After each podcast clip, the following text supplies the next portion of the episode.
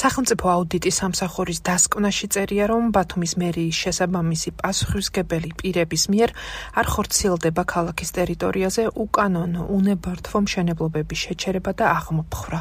ხოლო რიგ შემთხვევებში ნებართვები უკვე აშენებულ შენობებზე გაიცემა. უკანონო მშენებლობების შემთხვევას ბათუმის ცენტრალურ ქუჩაში გავლისას თვალსაჩინო შეხვდებით. მაგალითად, ყველაზე გახმაურებული შემთხვევის ვაჟაბშაველას 13-ში 5 წლის წინ უნებართვო დანგრეული კულტურული მემკვიდრეობის ძეგლის ადგილას საძირკველია ჩასხმული და სამუშაოები მიმდინარეობს. ადგილზე ინჟინერი გვეუბნება, რომ აქ 8 სართულიან კორპუს აშენებენ, ნებართვა კი ქალაქის მერიისგან აქვთ. და გააქვთ ნებართვა სამშენებლო? კი გვაქვს.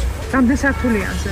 8 სართულიანი. როდის მიიღეთ ეს ნებართვა? არ ვიცი, დეტალებზე სხვას უნდა მივიდეთ. ჩვენ ვაშენებთ. თუმცა ქალაქ ბათუმის მერიაში საწინააღმდეგოს გვეუბნებიან პრესამსახურში ამბობენ რომ ვაჟებშაველას 13-ში სამშენებლო ნებართვა გაცემული არ არის და კომპანია ბათინვესტის განაცხადი შვიცართულიანი კორპუსის აშენებაზე ამ დრომდე განიხილება. ვაჟებშაველას 13-ში უნებართვო მშენებლობა ჯერ კიდევ 5 წლის წინ დაიწყო მას შემდეგ რაც ამ ადგილას შეპესე სლავა 2015-მა კულტურული მემკვიდრეობის ძეგლი უნებართვო დაანგრია და საძირკველი მოაწყო.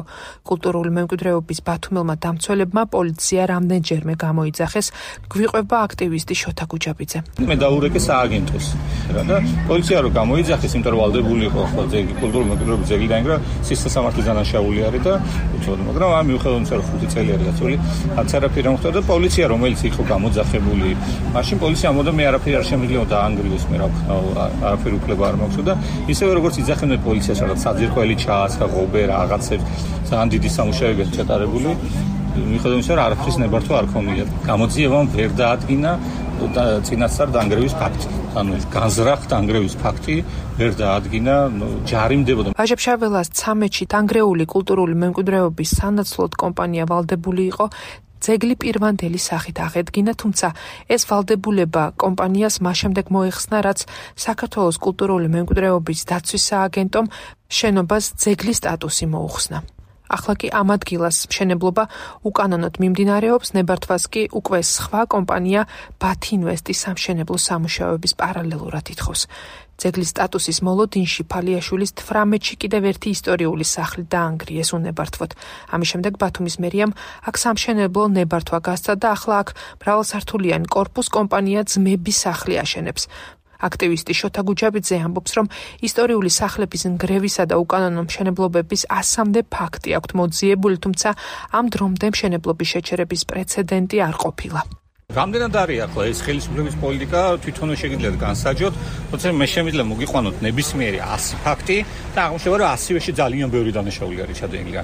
რეალურად ერთ შენობასაც ვერ იპოვით ისტორიულ ბათუმში, სადაც რაღაც დანგრეულია და რაღაც აშენებული ეს კანონიერად მოხდა. ნუ თეორიულად არ არსებობს ისე როგორც კანონიერად ვერ იპოვით მოკლულ ადამიანს. ეს ისეთივე შეუთავსებელია ის ორი ცნება ერთმანეთისთვის, რომ ეს გახდა სწორედ რაღაც აი პოლიტიკა, რომ ეს კულტურული მემკვიდრეობა დაბალი ღობია, ანგრიო და არც არავინ ამაზე პასუხს არ მოგთხოვს. არათუ პასუხს არ მოგთხოვს, პირიქით უფრო და უფრო მეტი ადამიანი ცილოს რა ქაოსში ამ ამღრეულ წყალში, რომ იქ კარგად იჭერება თევზი.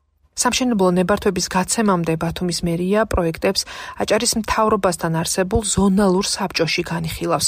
ამ საბჭოს წევრები ძირითადად ხელისუფლების წარმომადგენლები არიან. მათ უნდა მოიწონონ სამშენებლო პროექტები, რომელიც ისტორიულ ბათუმში შენდება. შემდეგ პროექტი ისევ მერიას უბრუნდება და სამშენებლო ნებართვას ამის შემდეგ გასცემს. ზონალური საბჭოს გაუქმებას უკვე რამდენიმე წელია ითხოვენ ბათუმელი აქტივისტები, რადგან მიაჩნიათ, რომ ისინი ქალაქისთვის საზიანო და უკანონო გადაწყვეტილებას იღებენ. მაგალითად, ერთ-ერთ ასეთ შემთხვევას აქტივისტი ირმა ზოიძე იხსენებს, როდესაც კომპანია მარტი ჯგუფმა ფარნავას მეფის 108 ნომერში უკანონოდ სართულებია შენა ნებართვა კი შემდეგ მოითხოვა. თვითმართველობას იმ ორგანიზაციებს როგორც ნებართვებზე არიან პასუხისმგებლები, აქვს მხოლოდ ნოტარიუსის ფუნქცია. ისინი ნებართვებს კი არ გასცემენ.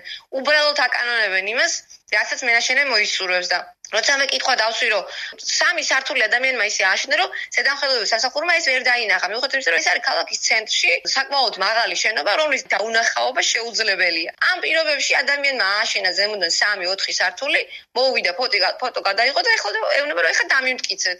კითხვა მაინც დასვა ვინმე. უბრალოდ ჩვენ დავსვით კითხვები ვიკითხე რომ რას აპირებს ეხლა ზონალური საბჭო და მითხრეს რომ პასუხი იყოს გასაოცარი რომ ადამიანმა იშრომო ჩადო ფული ინვესტიცია და ეხლა ჩვენ როგორ დაუშვით ამას? სანქციებზე საერთოდ არ იყო ლაპარაკი. და ეს ასე იმართება ეს ქალაქი ბათუმში კიდევ ერთი უნებართვო მშენებლობა თავდადებულის 48-ში გასულ წელს გამოვლინდა. მესაკუთრემ ქალაქის ცენტრში 8 სართული უკანონო დააშენა. მაშინ ბათუმის მერიაში საჯაროდ თქვეს, რომ შენობის დემონტაჟი მოხდებოდა. თუმცა გასული წლის ბოლოს ეს ობიექტი საჯარო რეესტრში კერძო საკუთრებაში დარეგისტრირდა. აშენებული 8 სართულის დემონტაჟი კი არ დაწყებულა. ბათუმის მერი ლაშა კომახიძე არც ამ გახმაურებულ ფაქტებზე და არც აუდიტის დასკვნაზე კომენტარს არ აკეთებს.